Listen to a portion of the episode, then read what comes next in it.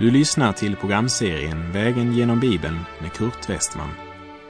Programmet produceras av Norea Radio Sverige. Vi befinner oss nu i Sakarja bok. Slå gärna upp din bibel och följ med. När vi nu ska fortsätta vårt studium av de tio syner som Gud gav Sakarja så ska vi ha klart för oss att vi befinner oss i ett avsnitt i Guds ord som i stark grad är präglad av bildspråk. Vi ska betrakta dessa tio syner samlade eftersom allt fokuserar mot ett bestämt budskap. Alla dessa syner tillsammans ger oss ett perspektiv som hjälper oss att se vad var och en av dessa syner försöker säga oss. Vi behöver också sammanlikna dessa syner med andra profetiska budskap i skriften, för då vill skrift tolka skrift, vilket hjälper oss att eh, inte glida ut i spekulationer och egna mänskliga utläggningar. Framför allt ska ni veta att ingen profetia i skriften har kommit till genom någon människas egen utläggning, som det står i Petrus andra brev, kapitel 1, vers 20. Det vill säga, vi ska inte göra vår egen utläggning utan jämföra med alla de övriga profetiska budskap i skriften för att se om det samstämmer med skriftens samlade vittnesbörd.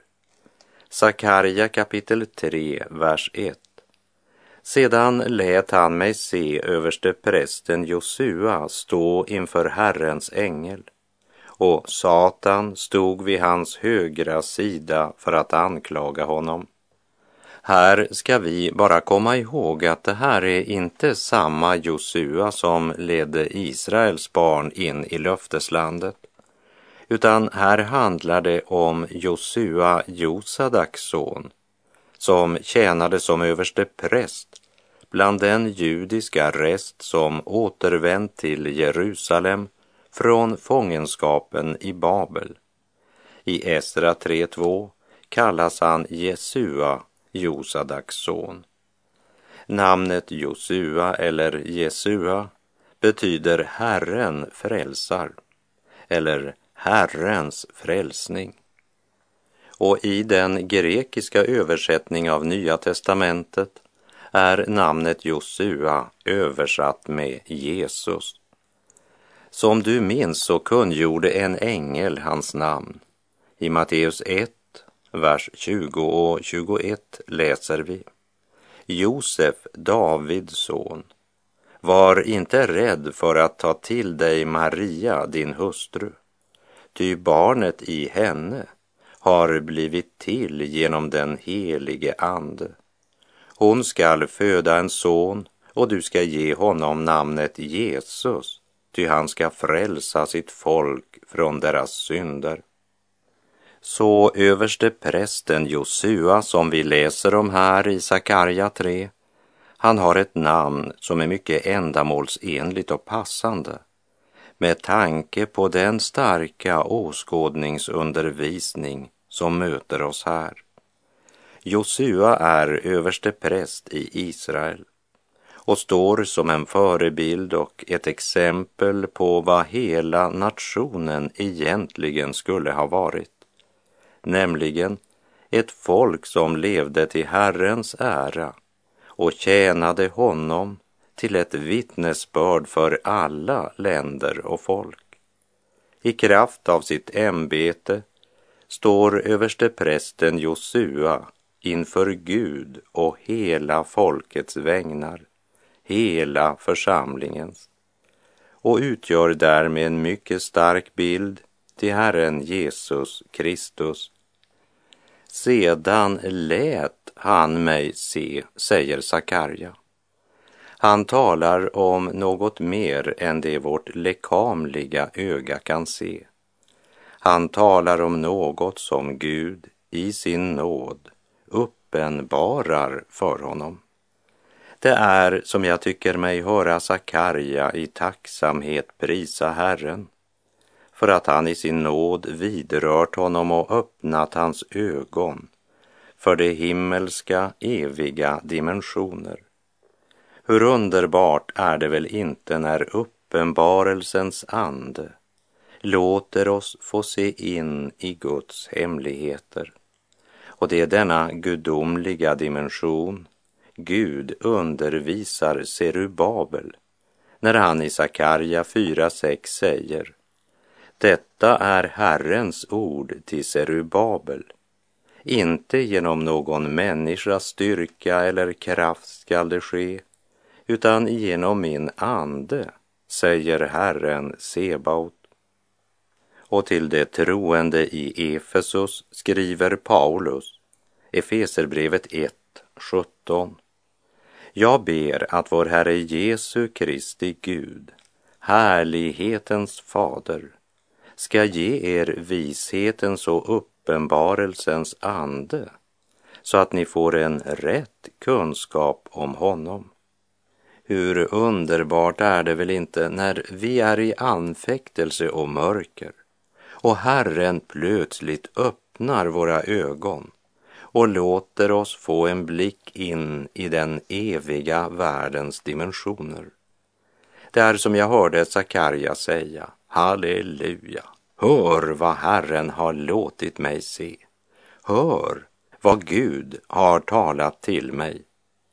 Och nu ska du få höra vad Gud i sin nåd lät mig se. Jag fick se överste prästen Josua stå inför Herrens ängel. Josua står inför Kristus. Han är vägen, sanningen och ljuset. Men Satan som är Guds fiende och din och min fiende stod också där. Och han var där för att anklaga Josua. Vi lägger märke till att Satan beskrivs som en person. Han är en lögnare, ja, lögnens far, säger Jesus. Att Satan ställt sig på Josua högra sida, det skulle indikera att han är där för att bistå honom och att han har ett gott budskap. Han försöker alltid ge människan en falsk trygghet. Och eftersom allt uppenbaras när vi står i Herrens ljus så behöver Satan bara peka på Josuas kläder, skitiga och trasiga. Satan är antisemitist och antisionist och han är anti dig, du som just nu lyssnar. Han är alltid där för att anklaga dig inför Gud och för att anklaga ditt samvete. Satan kan inte använda sanningen, bara missbruka den. Han pekar på dina smutsiga klädtrasor och säger till dig du inbillar dig väl inte att Gud ska kunna använda en sådan som dig? Du passar inte tillsammans med den rene och helige. Men som ett Guds barn har vi en advokat som försvarar vår sak inför Gud. Därför skriver aposteln Johannes i sitt första brev kapitel 2, vers 1 och 2. Mina barn, detta skriver jag till er för att ni inte ska synda. Men om någon syndar har vi en som för vår talan inför Fadern, Jesus Kristus som är rättfärdig. Han är försoningen för våra synder och inte bara för våra utan också för hela världens. Sakarja sa, Herren lät mig se. Och vi ber om att han i sin nåd ska vidröra även oss och låta oss se. Se något mer än det vårt kroppsliga öga kan se. O Jesus, öppna du mitt öga så jag får se hur rik jag är. Jag har en fader i det höga som faders omsorg om mig bär.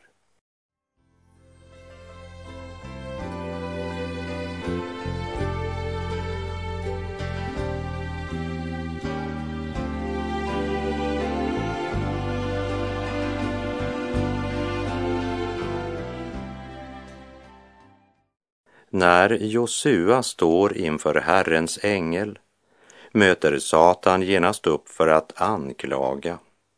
Han är tjuven som bara kommer för att stjäla, slakta och döda.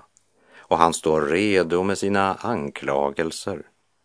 Men innan anklagaren hinner säga ett enda ord talar Gud. Sakarja 3, vers 2. Men Herren sade till Satan. Herren skall straffa dig, Satan. Ja, Herren skall straffa dig, han som har utvalt Jerusalem. Är då inte denne en brand ryckt ur elden? Herren räfse dig, Satan, står det i Norsk Bibels översättning.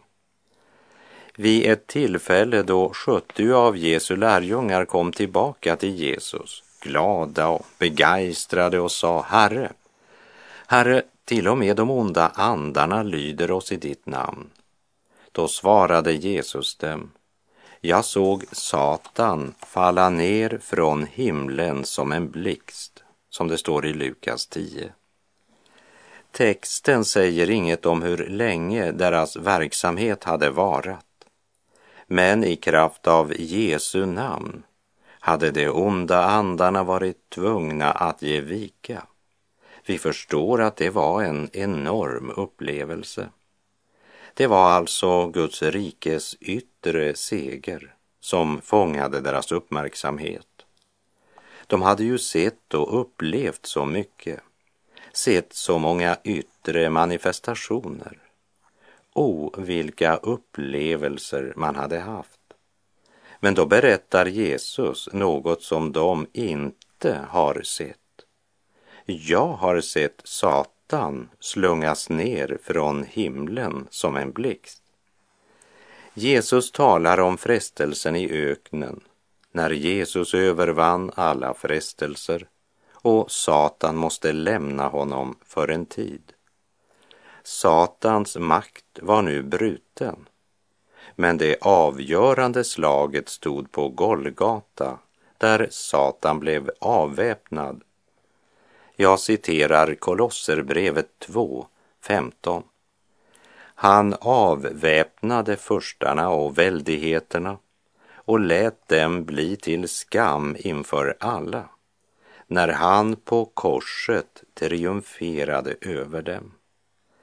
Deras glädje skulle inte vara att andarna var de lydiga, alltså den yttre manifestationen. Men deras glädje skulle bygga på den andliga verklighet att deras namn var skrivna i himmelen. Är Satan vår anklagare så är Herren Jesus vår försvarare och vi kan inför honom övertyga vårt hjärta vad det än anklagar oss för, att Gud är större än vårt hjärta och vet allt. Som det står i Johannes första brev 3, vers 19 och 20. Herren skall straffa dig, han som har utvalt Jerusalem. Även om Jerusalem varit förkastat och straffats för sina synder så är staden dock utvald av Herren som än en gång ska ta sig an Jerusalem. Är då inte denne en brand ryckt ur elden? Inte bara Josua, men hela befolkningen som ju bara utgjorde en liten rest av alla dem som en gång fördes bort i fångenskap, är som en brand ryckt ur elden. Guds straffdomar och tuktan hade drabbat dem som en eld och den lilla rest som återvänt till Jerusalem hade genom Herrens förbarmande ryckts ut ur elden. Mänskligt sett så såg det ju alldeles omöjligt ut att Jerusalem någonsin skulle kunna bli återuppbyggd efter Nebukadnessars totala ödeläggelse av staden. Den hade nu legat i ruiner och aska i 70 år. Men ur askan reser sig Jerusalem på nytt som en brand ryckt ur elden. John Wesley, han kallade sig själv för en brand ryckt ur elden. Och det är väl många av oss som känner det på det sättet. När jag ser tillbaka och tänker på hur jag själv nåddes av evangeliets budskap så verkar det nästan otroligt att detta kunde hända mig. Men det hände och det var ingen tillfällighet. Det var Guds gränslösa nåd som också i mitt liv stadfäste sanningen vi återfinner i Johannes evangeliets åttonde kapitel, vers 36, där det står Om nu sonen gör er fria blir ni verkligen fria. Jag tror att det kan sägas om varje syndare som kommer till Kristus och får del i syndernas förlåtelse, glädje, frid och evigt liv. Vi har gått över från döden till livet. Vi är en brand, ryckta ur elden.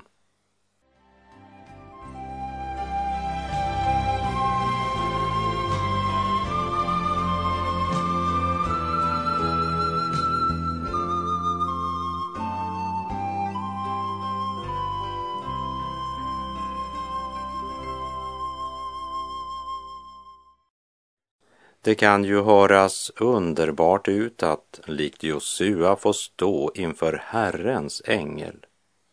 Men i Herrens närhet, i det gudomliga ljuset, avslöjas allt. Om inte förr, så i Herrens närhet ser vi hur oerhört smutsiga vi är. Då vi inser det instämmer vi med Jesaja 64, vers 6. Vi är alla orena. Alla våra rättfärdiga gärningar är som en smutsig klädsel. Även Josua stod avslöjad när han står inför Herrens ängel. Vi läser Sakarja 3, vers 3. Josua var klädd i orena kläder där han stod inför ängeln. Här påminner jag om att Josua representerar hela folket där han står inför ängeln. Och sanningen om Israel vid denna tid, det var att de hade syndat mot Herren i tankar, ord och gärningar. Och när lagens ljus träffar våra samveten står också vi avslöjade. Vi har inga ursäkter längre ingenstans att fly, inget att gömma oss bak. Vi är avslöjade i all vår orenhet. I Romarbrevet 3, vers 20 står det Genom lagen ges kännedom om synd. Lagen är uppenbarelsen av Guds helighet. Det visar oss Guds väsen och hans heliga krav vem Gud är och vad som är hans heliga krav. Genom lagen ges insikt om synd, stod det i Romarbrevet 3.20. Lagen är en spegel som visar oss att vi inte är rena. Och du borde ta dig en närmare titt i den spegeln och låta den visa dig vem du är. Det är inte lagen som gör oss till syndare. Lagen bara avslöjar att vi är syndare. Lagen är alltså spegeln som visar oss att vi inte är rena. Men du kan ju inte tvätta dig med spegeln. Och det kunde inte Josua heller. Och nu står han inför Herrens ängel och som överstepräst personifierar han hela Israel genom sitt heliga ämbete. Han bär hela nationen i förbön. Han går in i helig skrud på vägnar av hela nationen. Han bär nationens skuld. Sakarja, som Herren lät se denna syn, han är spänd på vad Herren ska göra med Israel som står klädd i orena kläder. Överste prästen skulle ju vara klädd i en vit fotsid klädnad när han trädde in i det allra heligaste. Men nu står Josua inför Herrens ängel klädd i orena kläder. Vers 4. Och ängeln sade till dem som stod inför honom, tag av honom de orena kläderna. Sedan sade han till Josua, se, jag har nu tagit din missgärning från dig och jag skall klä dig i högtidskläder. Här möter vi en av de starkaste och underbaraste illustrationer som vi överhuvudtaget finner i det gamla testamentet. Josua kunde inte stå inför den helige och rättfärdige Gud klädd i dessa orena kläder och han kunde inte heller stå där naken. De orena kläderna gav Satan möjligheten att anklaga med rätta. Och Josua står här, inte bara som representant för nationen Israel, men han står här också som din och min representant. I Josua ser vi varje människas synd och överträdelse. Josua stod som präst inför Herren. Gud utvalde Levis stam till präster i det gamla förbundet. I det nya förbundet så är varje troende en präst. Men en del av oss står i orena kläder. Ja, men säger du kanske, Ja, jag har ju blivit klädd i Kristi rättfärdighet. Och om du är frälst så är det sant. Och det är ju just det som skriften här så underbart illustrerar för oss. De smutsiga kläderna representerar synden som måste kläs av honom, tas bort och han måste iklädas rena kläder som talar om Kristi rättfärdighetsdräkt. Det talar om rättfärdiggörelse genom tron på Jesus. Låt mig här få referera till Romarbrevets budskap. De tre första kapitlen beskriver människan som står med skuld inför Gud. Vi är orena i tankar, ord och gärningar. Och vår rättfärdighet är som de mest orena kläder i Guds ögon. Ja, även det bästa vi gör är fläckat av synd och orenhet. Vi står i samma situation som Josua. Vad ska vi göra? Här är Guds svar, Romarbrevet 3, verserna 21 till och med 24. Men nu har utan lagen en rättfärdighet från Gud blivit uppenbarad.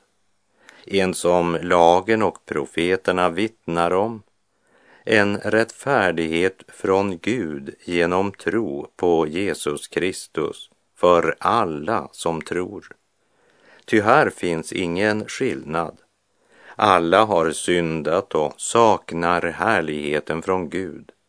Och det står som rättfärdiga utan att ha förtjänat det av hans nåd därför att Kristus Jesus har friköpt dem. Därför att Kristus dog, utgöt sitt blod till försoning för dina och mina synder Därför kan du och jag komma till honom i våra orena kläder. Han kan inte godkänna de orena kläderna som kallas vår rättfärdighet. Därför tar han av oss allt sammans och sedan ikläder han oss hela sin rättfärdighet. Halleluja. Och när vi står klädda i Kristi rättfärdighet så kan ingen skapad varelse anklaga oss eftersom vi är Guds utvalda. Lägg märke till vad Paulus skriver i Romarbrevet 8, verserna 31 till och med 34. Vad ska vi nu säga om detta? Är Gud för oss, vem kan då vara emot oss? Han som inte skonade sin egen son utan utelämnade honom för oss alla. Hur skulle han kunna annat än också skänka oss allt med honom? Vem kan anklaga Guds utvalda? Gud är den som frikänner. Vem är den som fördömer? Kristus Jesus är den som har dött, ja, än mer, den som har blivit uppväckt och som sitter på Guds högra sida och ber för oss. Vilken frälsare vi har! När vi tror på honom som vår frälsare så tar han inte bara bort alla våra synder, men han klär oss i sin rättfärdighet och ingen kan anklaga Guds utvalda. Men eh, vänta lite, säger du. Kan ett Guds barn falla i synd? Ja, men vad gör ett Guds barn då? Guds ord säger i Johannes första brev kapitel 1, vers 9. Om vi bekänner våra synder är han trofast och rättfärdig så att han förlåter oss våra synder och renar oss från all orättfärdighet. Har du användning för en sån frälsare idag? Då är detta din möjlighet. Bekänn din synd för Gud. Jag har ett fast osvikligt rike vars grundval aldrig bäva kan. Jag har en krona utan like, en arv som Jesus åt mig vann. Än mer fast synd och brist mig plåga, jag är en mäktig konungsbrud, fast ofta otron vill mig fråga, var är din höghet och din skrud? Och Gud föröka hos mig tron så jag får se din härlighet. Och aldrig glömma bort den krona du har berett av evighet. Och med det så är vår tid ute för den här gången. Så ska vi i nästa program se på huvudbindeln som Josua får och på den sten som Herren lägger inför Josua.